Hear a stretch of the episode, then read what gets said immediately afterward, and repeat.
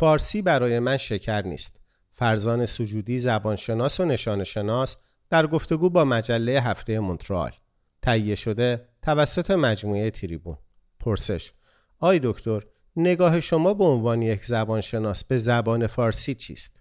پاسخ با توجه به رویکرد انتقادی جدی که در کارهایم دارم فارسی برای من یک زبان است و کارکردهایش به مسابقه یک زبان هم در وجه تاریخی و زمانی اهمیت دارد.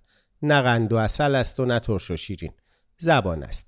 چون هر نوع اتصال اصالتگرانه زبان به مسائل ملی و تبدیل زبان به نماد اصالت و برتری ملی و در نتیجه ویژگی برتر یا اصیلتر دادن به زبان فقط در خدمت هژمونیک کردن و توجیه گفتمان مسلط است. به همین دلیل از این جهت به یادگیری فارسی نگاه نمی کنم که برای حفظ یک میراث ملی باید این اتفاق انجام بپذیرد. از دید من به عنوان یک زبانشناس هر زبانی در کارکردهای متنافرینش برای کاربرانش شیوا و شیرین است و هیچ زبانی به دلیل گرایش های ملی گرایانه بر زبان دیگری برتری و اولویت ندارد. فارسی برای من یک زبان است مثل زبانهای دیگر.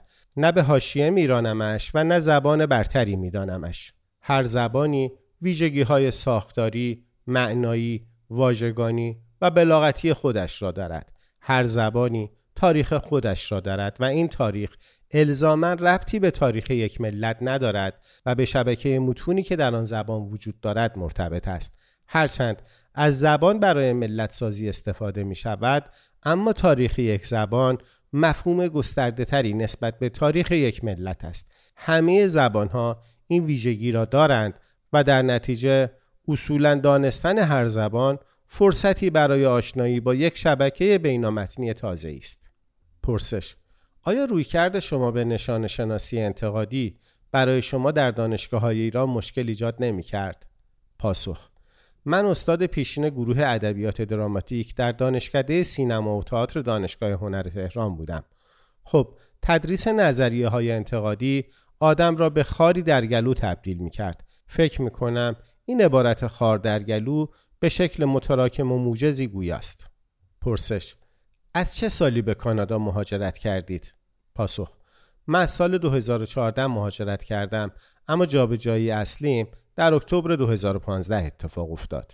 پرسش در یک کشور انگلیسی زبان مانند کانادا اهمیت دانستن زبان فارسی چقدر است؟ پاسخ از نظر علمی اصولا دو زبانگی و چند زبانگی توانایی های شناختی را در انسانها گسترش می دهد و فرد توانمندتری را به وجود می آورد. حالا این دو زبان می تواند انگلیسی و فرانسه باشد یا فارسی و انگلیسی. برخی خانواده های مهاجر فارسی زبان سعی می کنند فارسی را به حاشیه برانند که از نظر من آن نیز خواستگاهی اجتماعی و سیاسی دارد. گویی می‌خواهند هر آن چیزی را که به گذشتهشان مربوط می شود پاک کنند. در واقع در یک گسست یا انفصال با گذشته هستند. در نتیجه پدر و مادر با انگلیسی الکن کوشش می کنند با فرزندانشان انگلیسی حرف بزنند که آن را درست نمی‌دانم. این مخالفت من هم ربطی به ملیت و فرهنگ ندارد و به همان توانمندی هایی که دو زبانی و چند زبانی ایجاد می کند مربوط است.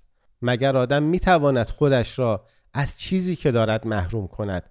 من اگر توانش را داشتم زبان مندرین را یاد می گرفتم و با یاد گرفتن این زبان با حجم زیادی از متون مواجه می شدم که مرا با جهان کم و بیش متفاوتی مواجه می کرد. نگاه من اساسا به مزایای چند زبانگی مربوط می شود که پنجره های بیشتری را به تجربه های متنی شده انسان باز می کند. پرسش به عنوان یک زبانشناس رویکرد خانواده های مهاجر فارسی زبان در آموزش زبان فارسی به کودکان خود را چگونه می بینید؟ پاسخ از نظر من داستان زبان شیرین فارسی یا فارسی شکر است حرفای بیبنیادی است که نهایتا منشأ در نوعی ملیگرایی کور و خطرناک دارد. شما به محض اینکه یک امتیاز ویژه به یک زبان می دهید زبانهای دیگر را به حاشیه میرانید. مثل آنکه حاکمیت زبان فارسی در طول صده ها در قلمرویی به اسم ایران باعث به حاشیه رانده شدن زبانهای کردی، ترکی، عربی و بلوچی و غیره شده است. اما وقتی صحبت در مورد کودکان خانواده های مهاجر فارسی زبان است بحث متفاوت است وقتی این کودکان از پیش زمینه دسترسی به یک زبان به عنوان زبان اول یا دوم را دارند ما چرا باید آنها را از این داشته محروم کنیم بحث چند زبانی یک بحث گسترده دانشگاهی در رشته های مختلف زبانشناسی، روانشناسی و عصبشناسی زبان است. بر اساس همین مطالعات یک کودک دو زبانه یا چند زبانه داشته های بیشتر و قدرت شناختی بیشتری نسبت به یک کودک تک زبانه دارد. حالا وقتی مشخصاً درباره یک خانواده مهاجر فارسی زبان صحبت می کنیم حرف من این است که خانواده ها باید با فرزندانشان فارسی صحبت کنند و اجازه دهند کودکان به صورت همزمان دو زبان را به عنوان زبان اصلی فرا بگیرند و به آنها مسلط باشند. در یک خانواده مهاجر عرب زبان هم توصیه می کنم خانواده ها با فرزندان خود به زبان عربی صحبت کنند. من معتقدم خواندن و نوشتن به این زبان ها هم باید آموخته شود چون دسترسی به متون از طریق خواندن حاصل می شود. البته به تدریج ممکن است فرزندان در سنین بالاتر به دلیل گستردگی حضور در جامعه انگلیسی زبان یا فرانسوی زبان علاقهشان به وقت گذاشتن روی آن یکی زبان کمتر شود که طبیعی است. پرسش فرزان سجودی در خصوص مفهوم زبان مادری چگونه میاندیشد؟ پاسخ من با کلمه زبان مادری مخالفتی ندارم مشروط به اینکه زبان مادری مثل ملیگرایی حاله ای از قداست پیرامون خودش به وجود نیاورد زبانی که افراد اکتساب می کنند هر زبانی می تواند باشد من از حاله هایی که با این استعاره ها به وجود می آید می ترسم مثل زبان مادری، زبان ملی، زبان شیرین و غیره. به این خاطر که معتقدم هر کجا حرف از اصالت زده می شود صدای پای استبداد به گوش می رسد به همین دلیل است که من می ترسم چون فکر می کنم با بکار بردن این نوع تعابیر برای هر زبانی ممکن است به زبانی اصالت ببخشیم که این فرصت را برای قدرت ایجاد می کند تا زبانهای دیگر را سرکوب کنند و به حاشیه ببرند. پرسش این بحث را فوکو هم در مباحث خودش مطرح می کند و می گوید هر چیزی در زبان می تواند سیطره از قدرت باشد. با این نگاه زبان فارسی تحت سیطره قدرت در قرون گذشته بوده و هست؟ پاسخ بله اما من یک سویه به این قضیه نگاه نمی کنم. فوکو هم می‌گوید می‌تواند از نظر زبانشناسی مثل من چیزی به جز زبان و نظام های نشانه وجود ندارد. هیچ اصالتی وجود ندارد که بیرون از قلمرو زبانی و نشانه باشد. قلمرو زبانی و نشانه در واقع عرصه اصلی است که قدرت به واسطه به کار بردن آنها در رسانه ها ادبیات و سینما و امثال آن مفاهیم خاصی را باز تولید می کند وقتی در ادبیات به آثاری که حالی از قداست دارند با نقد تحلیلی دقیق نگاه می کنید متوجه دوم خروس می شویم. در واقع از این منظر زبان در خدمت قدرت است.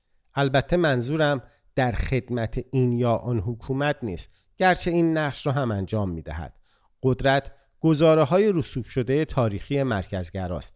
مثلا همین داستان غمانگیز کشته شدن زن 17 ساله‌ای در اهواز نمودی از این ماجراست.